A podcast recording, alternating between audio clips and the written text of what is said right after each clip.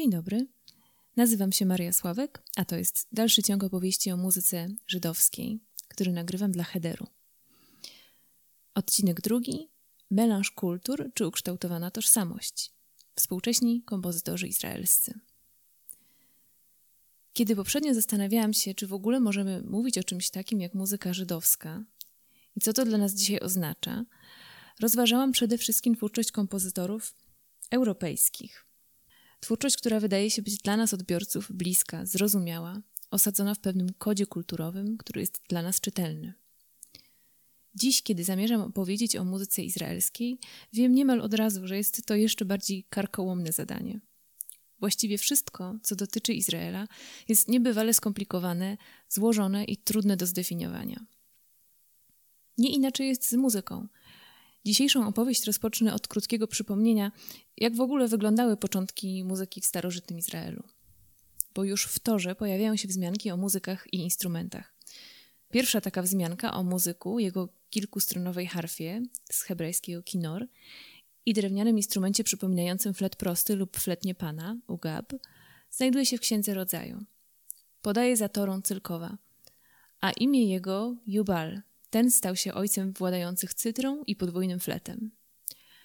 Król Dawid utrzymywał, wedle Biblii, aż 280 muzyków. Sam zaś grał na harfie. Kinor to bardzo ciekawy instrument przypominający harfę, lirę lub y, znaną z greckich przekazów gitarrę. Miał od 3 do 12 strun jelitowych. Fragment muzyczny, który dobrze oddaje brzmienie tego instrumentu, e, wybrałam dla Państwa taki.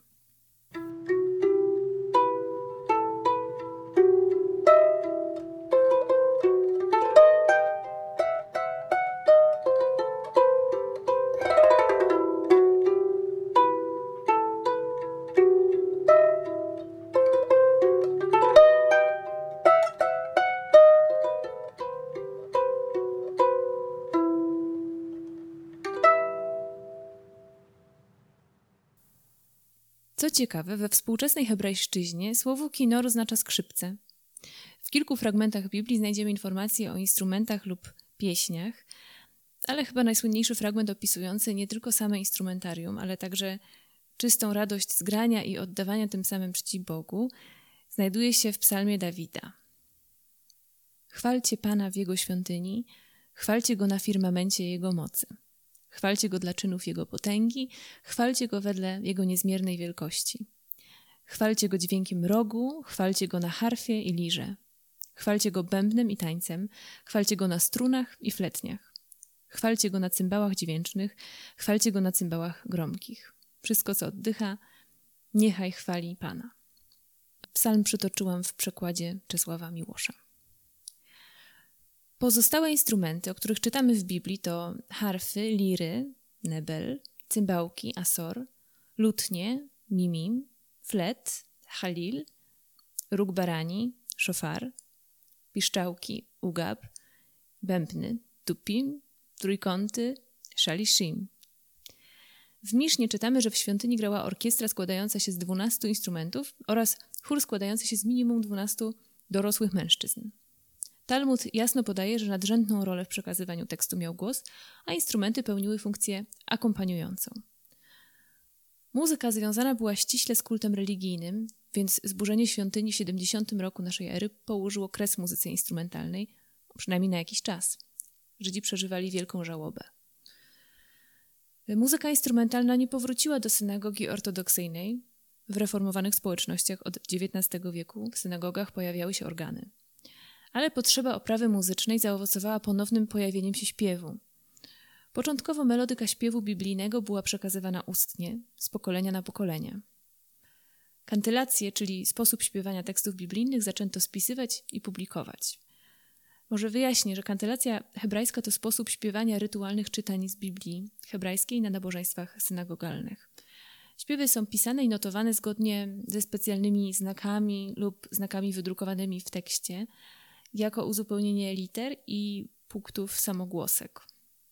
Tyle o starożytności. Opisanie skomplikowanych losów terenów obecnego Izraela zajęłoby z pewnością co najmniej kilka osobnych podcastów. Dlatego w tym przeniesiemy się od razu do lat 20. XX wieku, kiedy to Palestyna była jeszcze pod mandatem brytyjskim. Dla przypomnienia, po zakończeniu I wojny światowej Liga Narodów podjęła decyzję o powierzeniu mandatu nad Palestyną Wielkiej Brytanii. Wcześniej tereny te należały do Imperium Osmańskiego. W 1917 roku Brytyjczycy pokonali wojska tureckie i poza obszarem Palestyny zajęli jeszcze Syrię i Liban. Już u progu tej decyzji powstał problem z pogodzeniem interesów arabskich i żydowskich. Brytyjczycy obiecali Arabom, że poprą ich dążenia niepodległościowe, ale także zadeklarowali utworzenie w Palestynie tzw. Tak żydowskiej siedziby narodowej, co zostało zawarte w deklaracji Balfura. Do tej skomplikowanej już u zarania sytuacji dołożyły się kolejne. Tak alije. Alija to z hebrajskiego wstąpienie, czyli kolejne fale imigrantów z diaspory. Pierwsza większa alija rozpoczęła się już w roku 1882 na fali zdobywającego coraz większą popularność ruchu syjonistycznego. Przypomnę tylko, że w dużym skrócie syjonizmem można nazwać ruch polityczny i społeczny dążący do odtworzenia żydowskiej siedziby narodowej na terenach starożytnego Izraela. W tamtym czasie do Palestyny przybyli przede wszystkim Żydzi pochodzący z Imperium Rosyjskiego. Tam bowiem w latach 1881-1914 doszło do serii ponad 200 pogromów. W kolejnych falach imigracyjnych do Palestyny przybywali też Żydzi z Polski. W latach dwudziestych było ich już prawie 62 tysiące. W latach 30. z kolei szukali tam schronienia uciekający przed rosnącym w siłę nazizmem Żydzi niemieccy. Czemu o tym wszystkim mówię? Bo trudno nam będzie zrozumieć istotę izraelskiej sztuki bez kontekstu imigracji, bez napięć żydowsko-arabskich, bez zrozumienia idei syjonizmu, no i bez choćby próby wyobrażenia sobie, jak stale nieprzerwanie w tym miejscu buzują skrajne emocje. Pierwsi kompozytorzy, którzy znaleźli się w Palestynie, nie mieli łatwego zadania. Pochodzili z krajów zachodnich, głównie niemieckojęzycznych, w których często mieli już ugruntowaną pozycję zawodową. Palestyna była czymś kompletnie różnym, egzotycznym, nieznanym. Spróbujmy wyobrazić sobie sytuację, w której nagle znajdujemy się w kraju o zupełnie innym klimacie, języku, z trudną sytuacją terytorialną, w kraju, w którym właściwie nie ma struktur, do których jesteśmy przyzwyczajeni. A przede wszystkim nie ma prawie żadnych tradycji muzycznych poza muzyką ludową, która silnie powiązana jest z kulturą arabską. W takiej sytuacji znalazło się wielu twórców, spośród których opowiemy sobie dzisiaj o kilku. Jednym z na pewno najbardziej znanych kompozytorów izraelskich był pochodzący z Niemiec Paul Benheim. Ten urodzony w Monachium w roku 1897 jako Paul Frankenburger, niemiecki Żyd, na stałe osiedlił się w Palestynie w roku 1934. Był zatem już dojrzałym człowiekiem i kompozytorem, pianistą, dyrygentem i pedagogiem o ugruntowanej pozycji. W Niemczech do początku lat 30. był znany przede wszystkim jako dyrygent operowy. Po przyjeździe do Palestyny przeraził się poziomem tamtejszej sceny operowej. W liście do swojej siostry Dory pisał – Ostatniej nocy byłem na tym, co tu uchodzi za operę. Wśród śpiewaków, przynajmniej tych, którzy nie byli już poza swoim szczytem, było kilka dobrych głosów. Chór dobry, ale nieopierzony. Dyrygent najbardziej przeciętny, orkiestra szkoda słów. Inscenizacja i dekoracje są niemożliwe. Tutaj wszystko wciąż tkwi w najbardziej prymitywnych początkach i jest to duże pytanie, czy cokolwiek może się rozwinąć, dającej się przewidzieć przyszłości. Na te rzeczy, a także na orkiestrę symfoniczną przede wszystkim brakuje pieniędzy. Benheim przyznawał jednak, że warunki, jakie oferuje mu Palestyna, są bardzo dobre, a przede wszystkim zapewnia mu ona spokój niezbędny do tworzenia. Wkrótce zresztą okazało się, że do kraju przyjechały kolejne fale imigrantów ze zachodniej Europy, którzy zasilili orkiestry, operę i balet. W dużej mierze byli to też ludzie z warstw społecznych, które w rodzinnych krajach uczestniczyły żywo w kulturze. W ten sposób zaczęły się rozwijać kolejne instytucje związane ze sztuką. Benheim tworzył w stylu, który dziś dla nas może wydawać się jeszcze umocowany w XIX wieku, z bogatą instrumentacją, potoczystą melodyką, w klasycznych formach. No ale nawet i on z czasem zaczął obserwować pewne bliskowschodnie motywy, skale czy harmonię. Sam zresztą twierdził, że przyszło mu to z łatwością. Tak jakby już gdzieś w nim w środku dawniej to kiełkowało. Mówił, idiom motywiczny, żydowsko-wschodni, zwłaszcza jemeński, był już jakoś zakorzeniony we mnie, był częścią mnie. wierzę, że te zewnętrzne wpływy napotkały we mnie naturalną skłonność, bo przecież nie można sobie narzucić czegoś z góry lub sztucznie, dużym wysiłkiem przyswoić sobie jakiś zupełnie obcy idiom. Z jego punktu widzenia zmiana stylu muzycznego nie była tak naprawdę zmianą, ale raczej ujawnieniem głębszej warstwy jego muzycznej osobowości. Posłuchamy teraz fragmentu trzeciej części jego koncertu skrzypcowego, skomponowanego w 1960 roku. Gra Isaac Perlman z Towarzyszeniem Izraelskiej Orkiestry Symfonicznej pod dyrekcją Zubina Mejty.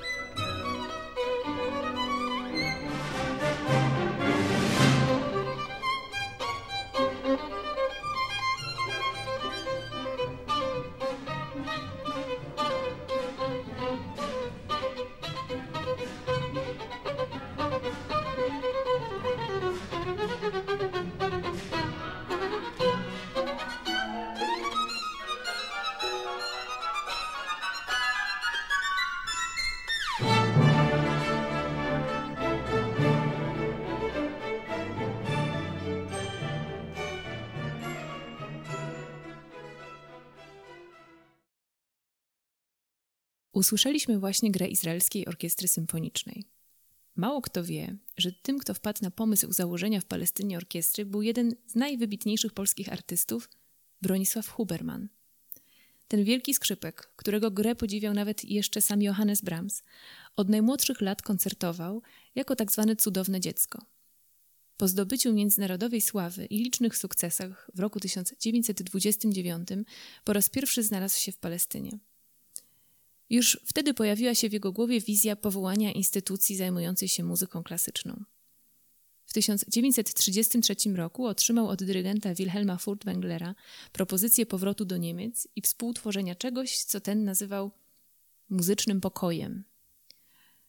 Był to jednak przecież początek wielkiego nazistowskiego marszu po władzę. Huberman wiedział, że najlepsze, co można zrobić, to uciekać, a także pomóc w tej ucieczce swoim przyjaciołom, muzykom.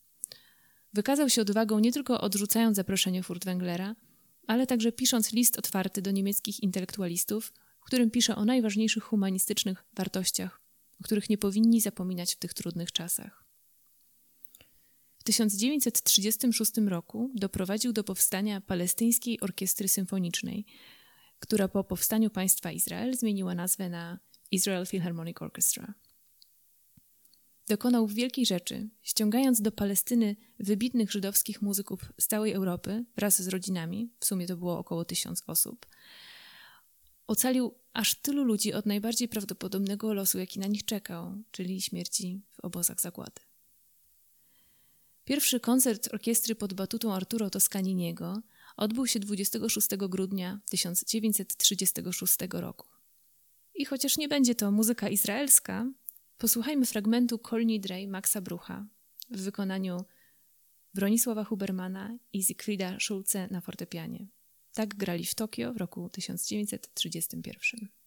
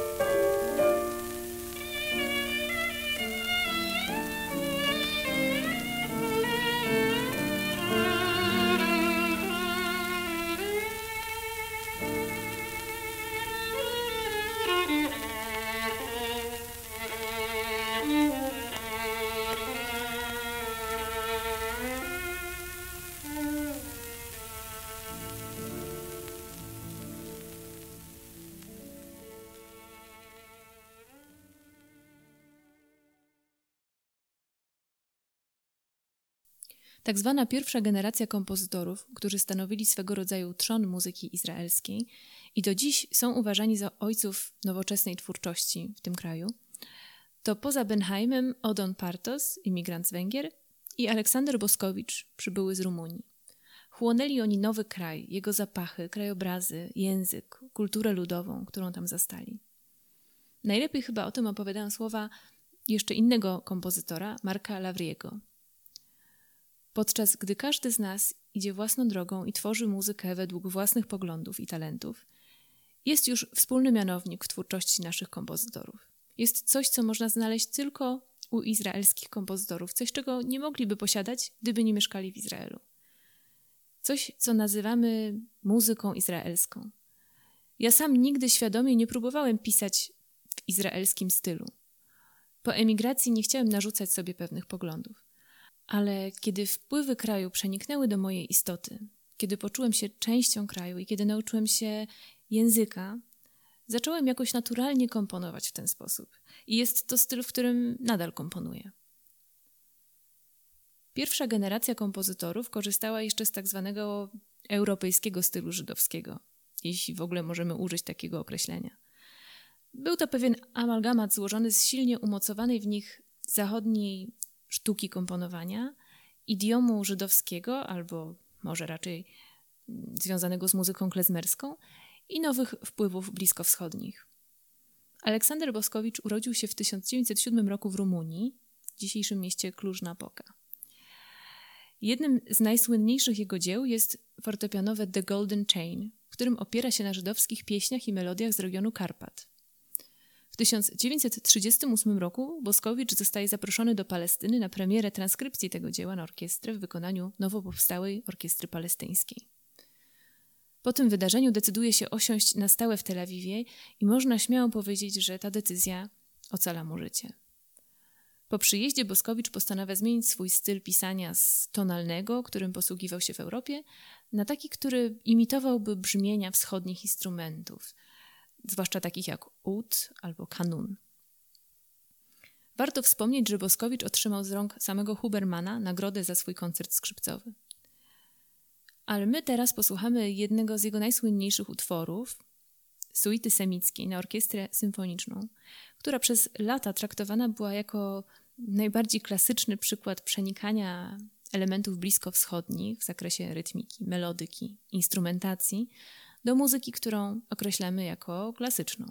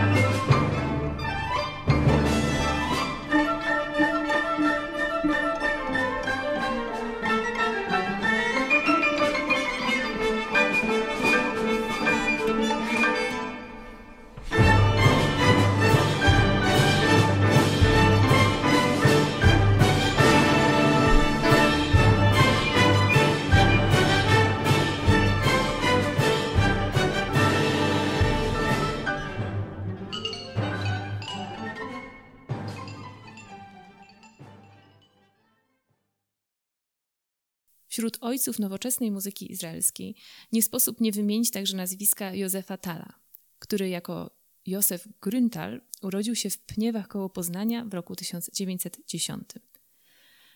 Wkrótce cała rodzina przeniosła się do Berlina. Ojciec Józefa był docentem w Hochschule für die Wissenschaft des Judentums. Specjalizował się w antycznych językach semickich. Józef ukończył Staatliche Akademische Hochschule für Musik dzisiejszy Uniwersytet Sztuki w Berlinie w 1931 roku. Po zakomponowaniem zajmował się wówczas także udzielaniem lekcji gry na fortepianie. Wskutek nazistowskich represji od kwietnia 1933 roku nie mógł już jednak wykonywać zawodu nauczyciela. Postanowił studiować fotografię po to, by móc ubiegać się o pozwolenie na emigrację do Palestyny. Udało się to w marcu 1934 roku. Wraz ze swoją rodziną Tal zamieszkał w Jerozolimie. Po pewnym czasie otrzymał propozycję objęcia posady nauczyciela fortepianu, teorii muzyki i kompozycji w Palestine Conservatory w Jerozolimie. Tal był również autorem pierwszego podręcznika teorii muzyki w języku hebrajskim. W 1948 roku został dyrektorem Jerusalem Academy of Music. Był też jednym z pomysłodawców i twórców Wydziału Muzykologii Uniwersytetu Hebrajskiego. Z jego inicjatywy powstało także pierwsze w Izraelu Centrum Muzyki Elektronicznej. Z ciekawostek mogę dodać, że Tal brał udział w nowatorskim projekcie badawczym, który miał za zadanie rozwinąć nową formę zapisu nutowego. Program nosił nazwę Talmark.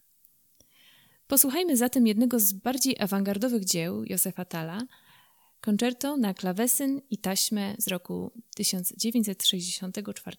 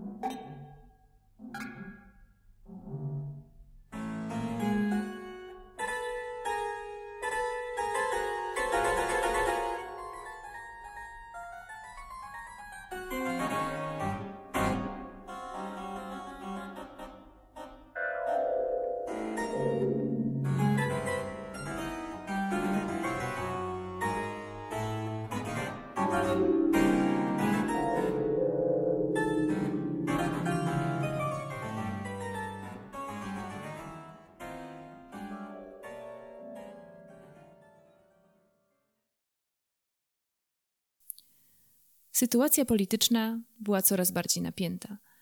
Brytyjczycy nie radzili sobie z rosnącym niezadowoleniem arabskich mieszkańców Palestyny z powodu wciąż napływających kolejnych fal żydowskich imigrantów z Europy. W 1947 roku Organizacja Narodów Zjednoczonych zgodziła się na podział Palestyny na dwa państwa żydowskie i arabskie. Tymczasem 14 maja 1948 roku Izrael proklamował niepodległość. Dzień po tym radosnym wydarzeniu rozpoczął się pierwszy konflikt zbrojny z Arabami, którzy nie uznali niepodległości Izraela. Wojna 1948 roku była pierwszą z szeregu licznych wojen i napięć, które nieustannie toczyły się i nadal się toczą na tych terenach. Wróćmy jednak do muzyki. Sytuacja zmieniała się dynamicznie. Wzrastało kolejne pokolenie artystów, także tych, którzy już urodzili się w Izraelu. O takich rodowitych Izraelczykach mówi się Sabra. Ich perspektywy były już zupełnie inne. Wychowali się w swoim języku, w swoim kraju, w nowej kulturze. Oczywiście każdy z nich ma zupełnie inną historię. Część ludzi wychowała się w domach, w których wciąż mówiono między sobą widysz lub w językach krajów rodzinnych. U innych z kolei starano zatrzeć się każdy ślad, każdą nawet najcieńszą linię łączącą ich z dawnym światem, ze starym życiem, z doświadczeniem zagłady. W latach 70. i 80. wielu młodych kompozytorów izraelskich decydowało się na studia zagraniczne, przede wszystkim w Europie. Pragnęli poznać dzieła Luigiego Nono, Olivera Messiena, Piera Buleza czy Karl-Heinza Stockhausena. Zaczęły ich nurtować pytania o tożsamość. Dlaczego to oni muszą wciąż i wciąż na nowo odnosić się do swojej żydowskości do, czy do izraelskości? Czemu tego się od nich wymaga? Na własne oczy widzieli, że w Europie te kwestie mało kogo zajmują, a sztuka wydaje się od nich zupełnie wolna. Czuli się obciążeni, chcieli zacząć tworzyć coś zupełnie innego. Czy to się udało? Jedną z kompozytorek, reprezentantek drugiej generacji, o której chciałabym teraz opowiedzieć, jest Zippy Fleischer, urodzona już w Haifie córka imigrantów z Polski. Choć ona sama nie studiowała za granicą, to jej twórczość została szybko doceniona na całym świecie. W swoich utworach nawiązuje do wielu elementów charakterystycznych dla Izraela. Fascynuje ją przyroda, brzmienie języka hebrajskiego. Ważnym elementem jest też jej tożsamość jako kobiety, jako matki. Interesuje ją podświadomość, zdarzenie elementów realistycznych i surrealistycznych. Fleischer nie boi się także wyrażania swojego zdania w kwestiach politycznych. Otwarcie krytykuje konflikt izraelsko-palestyński. W swoich dziełach porusza trudne i kontrowersyjne tematy. Sama Cipi mówi tak. Kiedy wpływy kraju przeniknęły do mojej istoty, kiedy poczułam się częścią kraju, kiedy nauczyłam się języka, zaczęłam w najbardziej naturalny sposób komponować w stylu, w którym nadal komponuję. To zdanie rezonuje z poprzednim pokoleniem imigrantów. Oni jednak mieli przed sobą chyba trudniejsze zadanie. Zaczęli nowe życie w nowym miejscu i w naprawdę nowym kraju już jako osoby dorosłe. Posłuchamy teraz jednego z bardziej złożonych utworów Fleischer, symfonii nr 5, która powstała w roku 2002. Autorka, jak sama pisze we wstępie do partytury dzieła, czuła, że ma dosyć, cytuję, Żydów jako takich i Arabów jako takich. Ciągłego konfliktu, napięcia, niezrozumienia. Mówi, w tym kraju żyją dwa narody. Pozwólmy im więc żyć z odwagą i godnością. Symfonia jest komentarzem, próbą odpowiedzi na nurtujące kompozytorkę pytania. Jak pogodzić się ze stratą przyjaciół? Czy możliwe jest porozumienie pomiędzy Żydami i Arabami? I czy muzyka ma tak wielką siłę, że może zjednoczyć to, co w rzeczywistości jest tak bardzo podzielone i wrogie? Utwór dedykowany jest pamięci przyjaciółki Fleischer Noah Jefet. W symfonii wschód i zachód łączą się, mieszają. Wyraża się to w warstwie muzycznej poprzez połączenie orkiestry symfonicznej, nagranych na taśmie kilku różnych wersji modlitwy Kol Nidrei, głosu Shaloma Hanocha, piosenkarza rockowego, i dźwięku szofaru. Dla Fleischer głosy Hanocha i szofaru, przypomnę tylko, że jest to instrument tradycyjnie pojawiający się podczas żydowskiego święta Jom Kippur, wyrażają rzeczywistość, szorstką, niemal brutalną – Śpiew kantorów pochodzących z różnych rejonów świata. W utworze słyszymy głosy kantorów aszkenazyjskich, marokańskich, syryjskich, kurdyjskich i hinduskich. wyraża to, co uniwersalne, ponad podziałami na narody, języki. Utwór zaczyna się słowami ken, ken, ken, ken, hamatzav kashe, czyli tak, tak, tak, tak. Sytuacja jest trudna. Śpiewanymi przez gwiazdę roka Shaloma Hanocha. Dla Izraelczyka ten komentarz jest czytelnym odniesieniem do sytuacji politycznej w kraju. W każdej kolejnej sekcji utworu słyszymy głos kantorów. Co ciekawe, około siódmej minuty pojawia się śpiew kantora syryjskiego Aleppo, przetworzony elektronicznie tak bardzo, że brzmi niemal jak duch. Powoli wraca do właściwego rejestru. Robi to bardzo duże wrażenie i oddaje stałe poruszanie się pomiędzy sferą duchową, niematerialną, religijną, sakrum, a rzeczywistością reprezentowaną przez orkiestrę i śpiew Hanocha, czyli moglibyśmy to nazwać profanum. W kolejnej sekcji głos kantora i partia orkiestry intensyfikują się, wpadają w konflikt. Bardzo wyraźnie słychać tę walkę, która kończy się zwycięstwem realności orkiestry i brutalnego głosu Hanocha. O końcowej sekcji Fleischer mówi tak. Mamy do czynienia z przezroczystością elementów, wzajemnymi powiązaniami w nowym organizmie, które dają początek koegzystencji wszystkich wątków. Takie jest przesłanie całej symfonii, przekazane słuchaczowi w części piątej, jakby rozbudowanym finale. Egzotyczne instrumenty perkusyjne potęgują to wrażenie w końcowym tańcu. To ożywienie w codziennym świecie, w terenie nad morzem, łączące się z ekstatycznymi modlitwami w synagodze. Wszystko to przywołuje wrażliwy śpiew marokańskiego kantora – Sekcja zaczyna się i kończy introspekcyjnymi akordami subdominanty, które uosabiają moc, spokój i nadzieję. Całość kończy się brzmieniem szofaru. Co ważne, podczas liturgii Jom Kippur dźwięk szofaru symbolizuje przyjęcie przez Boga modlitw o przebaczenie grzechów z poprzedniego roku, uwolnienie od wszystkich złożonych mu obietnic i nowy początek dla każdego człowieka Można powiedzieć tabula rasa. Słuchamy fragmentu Symfonii nr 5 C.P. Fleischer w wykonaniu Jerusalem Symphony Orchestra pod dyrekcją Rebeki Miller. כן, כן, כן, כן, המצב קשה. ויש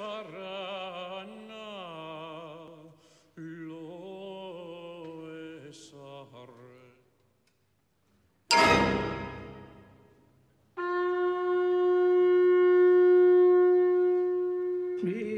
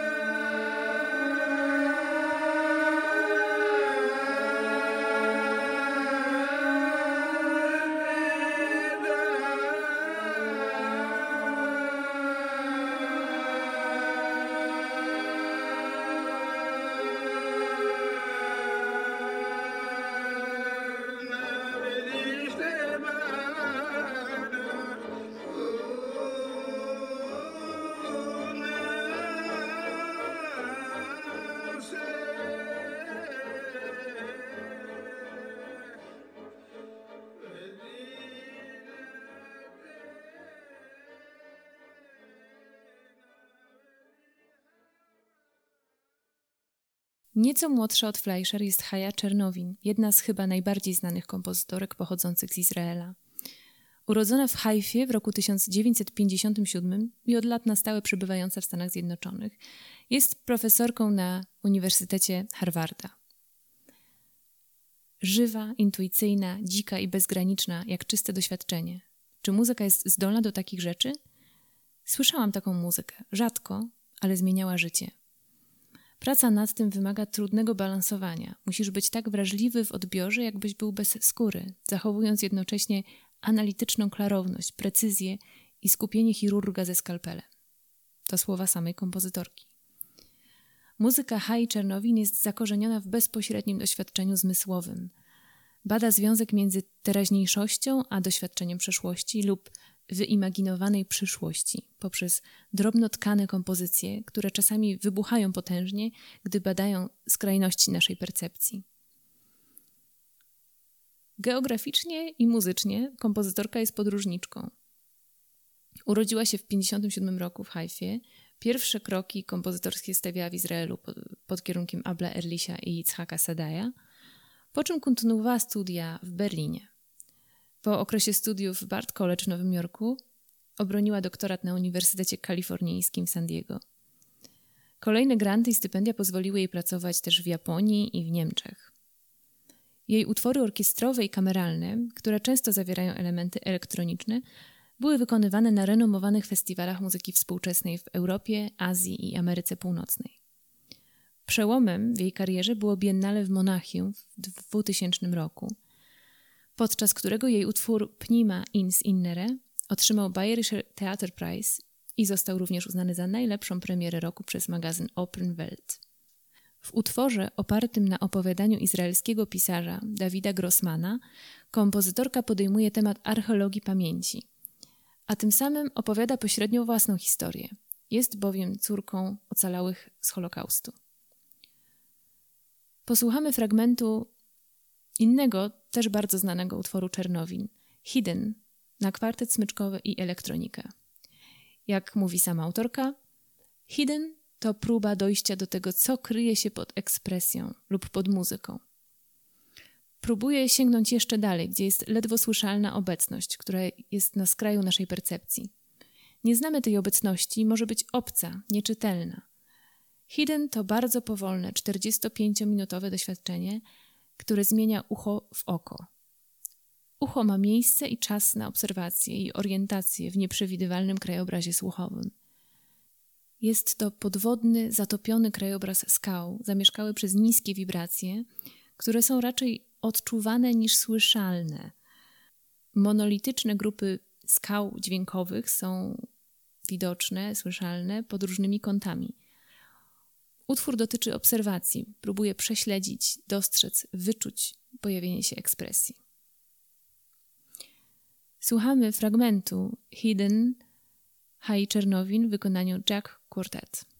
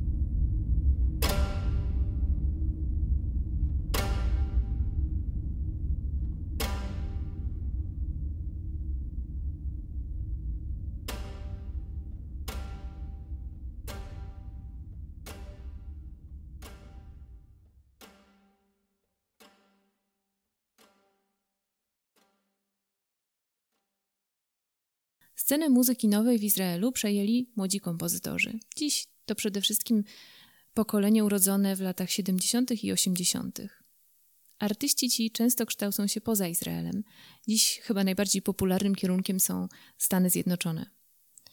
Część z nich wciąż jeszcze odnosi się w swojej muzyce do żydowskiej tradycji, do rodzinnego kraju.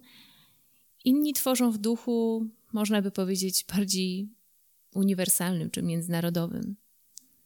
Muzyka najnowsza tworzona w Izraelu jest niezwykle ciekawa i naprawdę trudno mi było wybrać tylko kilku kompozytorów i kilka utworów, o których dzisiaj opowiem. To zresztą jest dość niezwykłe, że w tak małym kraju mamy do czynienia z, z tak dużą liczbą fantastycznych twórców. Pierwszym, o którym chciałabym wspomnieć, jest Avner Dorman, niezwykle aktywny na światowych scenach kompozytor, który obecnie pełni funkcję dyrektora muzycznego orkiestry kameralnej z Cleveland. Otrzymał doktorat w dziedzinie kompozycji w Juilliard School of Music w Nowym Jorku i pracuje jako adiunkt na Wydziale Teorii Muzyki i Kompozycji w Sanderman Conservatory of Music w Gettysburg College. Jego utwór Nigunim na skrzypce i orkiestrę otrzymał prestiżową Azrieli Music Prize w roku 2018. W poprzednim podcaście anonsowałam już, że będę opowiadać o tym kompozytorze i jego sonacie na skrzypce i fortepian. Pierwsza wersja Nigunim, bo właśnie tak się ten utwór nazywa, powstała na skrzypce i fortepian jako sonata numer 3 została nagrana przez słynnego skrzypka Gila Shahama z towarzyszeniem siostry Orli. Kompozytor tytułem nawiązuje do silnie umocowanego w tradycji żydowskiej, a zwłaszcza hasyckiej, zwyczaju nucenia melodii bez słów, nigunów. Hasydzi mocno przeżywali swoją religijność, a muzyka i taniec były sposobem na osiągnięcie pewnego stanu transu, podczas którego można połączyć się z Haszem, czyli z Bogiem. Tradycja ich śpiewania jest związana ze świętowaniem szabatu. Mówiłam o tym więcej w poprzednim podcaście, do którego odsłuchania oczywiście Państwa zachęcam. Nigunim, jako trzecia sonata skrzypcowa, miała swoją premierę w 2011 roku w Nowym Jorku w wykonaniu Gila i Orli Shaham, dla których zresztą została napisana. W roku 2014 kompozytor rozwinął partię fortepianu i przetranskrybował ją na orkiestrę, a w 2017 roku jeszcze bardziej ją przerobił. Jak sam mówi, próbowałem wnieść do utworu więcej elementów ludowych, a także zaakcentować rytm poprzez podkreślenie roli orkiestry, poprzez użycie instrumentów w nietypowych dla nich zakresach oraz stawiając na innowacyjne techniki wykonawcze. Wydaje mi się, że największym wyzwaniem było dla mnie zachowanie oryginalnych partii fortepianu bez jednoczesnego przytłoczenia partii skrzypiec, utrzymując w ten sposób równowagę, dzięki której utwór zachowuje formę prawdziwego koncertu. Podczas przygotowań do pracy nad Nigunim, Dorman badał muzykę żydowską pochodzącą z całego świata. Ku jego zdziwieniu wszystko zaczęło mu się zgadzać. Okazało się, że żydowskie melodie z różnych części świata, które wyrosły w kompletnie różnych tradycjach, mają bardzo wiele punktów wspólnych. W swoim utworze nie użył żadnego konkretnego nigunu, ale potraktował swoje badania jako inspirację. W związku z tym usłyszymy w nim na przykład zapożyczenia z ludowych rytmów gruzińskich lub nawiązania do tańców macedońskich. Łatwo to możemy wysłyszeć w czwartej części koncertu. Słuchamy jej w wykonaniu Larry St. John i Orchestre Classique de Montréal pod dyrekcją Borisa Brota.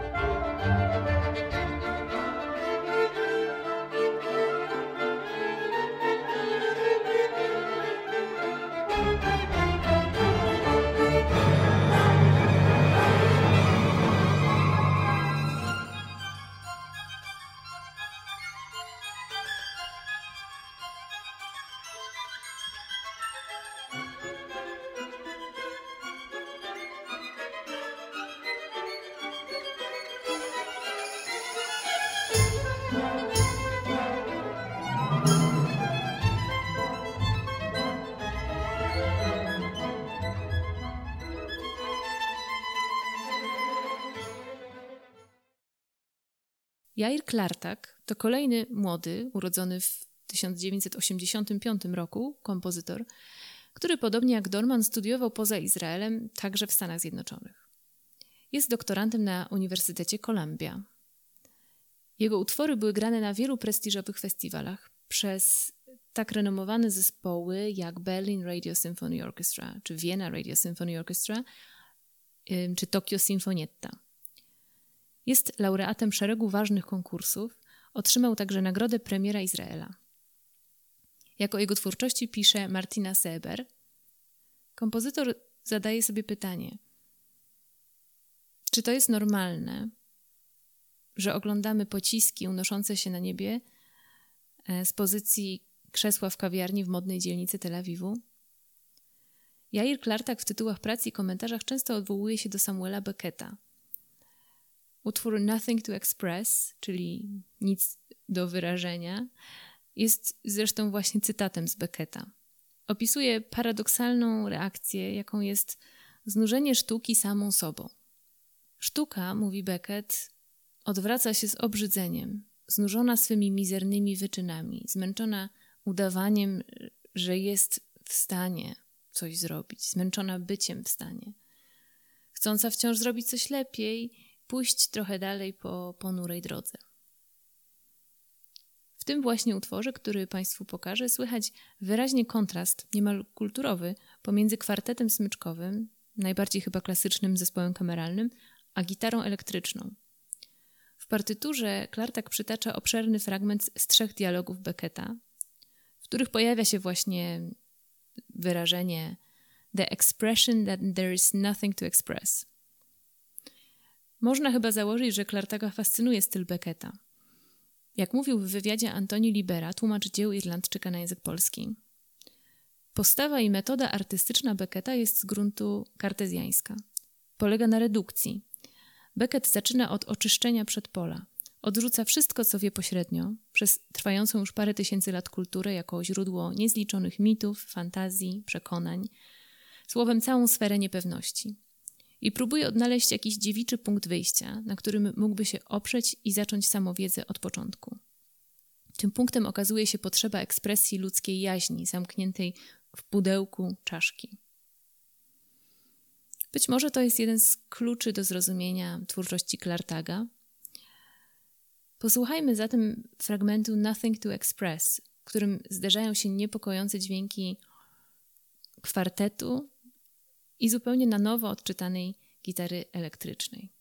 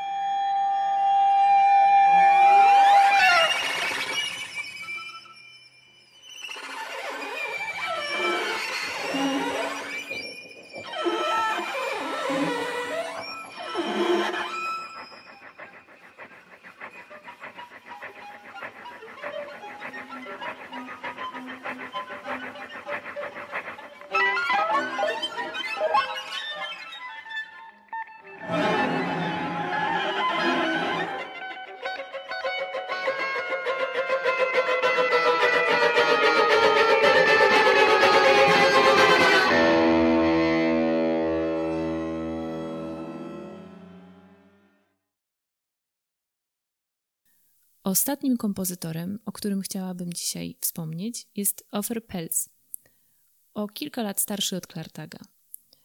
On również po ukończonych studiach na Jerusalem Academy of Music and Dance wyjechał za granicę, między innymi do Paryża i Kanady, gdzie otrzymał stopień doktora na Uniwersytecie w Montrealu. Jego utwory grywane są na wielu międzynarodowych festiwalach, w tym na Biennale w Wenecji, przez wiodące zespoły specjalizujące się w muzyce najnowszej. Jego muzyka skupia się na zagadnieniu, które kompozytor sam określa jako niestabilne powtórzenie, czyli powtarzające się fragmenty, które zawsze różnią się od powtórzenia do powtórzenia, jednocześnie starając się zachować dostrzegalne napięcie. Pelc komponuje muzykę na różne kombinacje instrumentów i mediów elektroakustycznych. Jest także improwizatorem. Dzisiaj chciałabym pokazać fragment świetnego utworu Blanc sur Blanc, o którym sam kompozytor mówi. W tym dziele badam elastyczność czasu, rozciągając go i kompresując za pomocą powtórzeń i pętli. Wywodzące się z idei spirali logarytmicznej, pętle gromadzą się, aby stać się większą strukturą, która jest częścią jeszcze większej i tak dalej. Zatem struktura wielkoskalowa zawiera te same elementy, co mniejsze struktury. Utwór składa się z jednej części i epilogu. Podczas tworzenia tego dzieła zainspirowały mnie dwa obrazy. Pierwszy, przedstawiony w części głównej, składa się z wielu punktów i małych fragmentów. Ostatni, przedstawiony w epilogu, składa się z długich wersów, które dają poczucie ciągłego zakończenia. Słuchamy Mater Ensemble i Ardeo String Quartet. Thank you.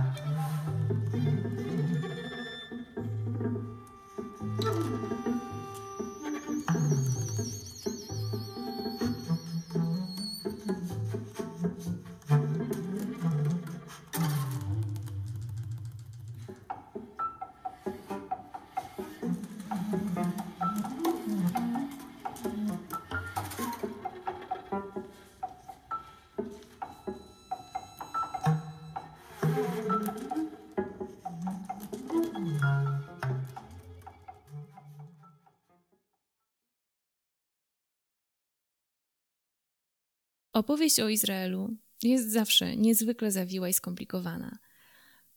I nie inaczej jest opowieścią o muzyce izraelskiej.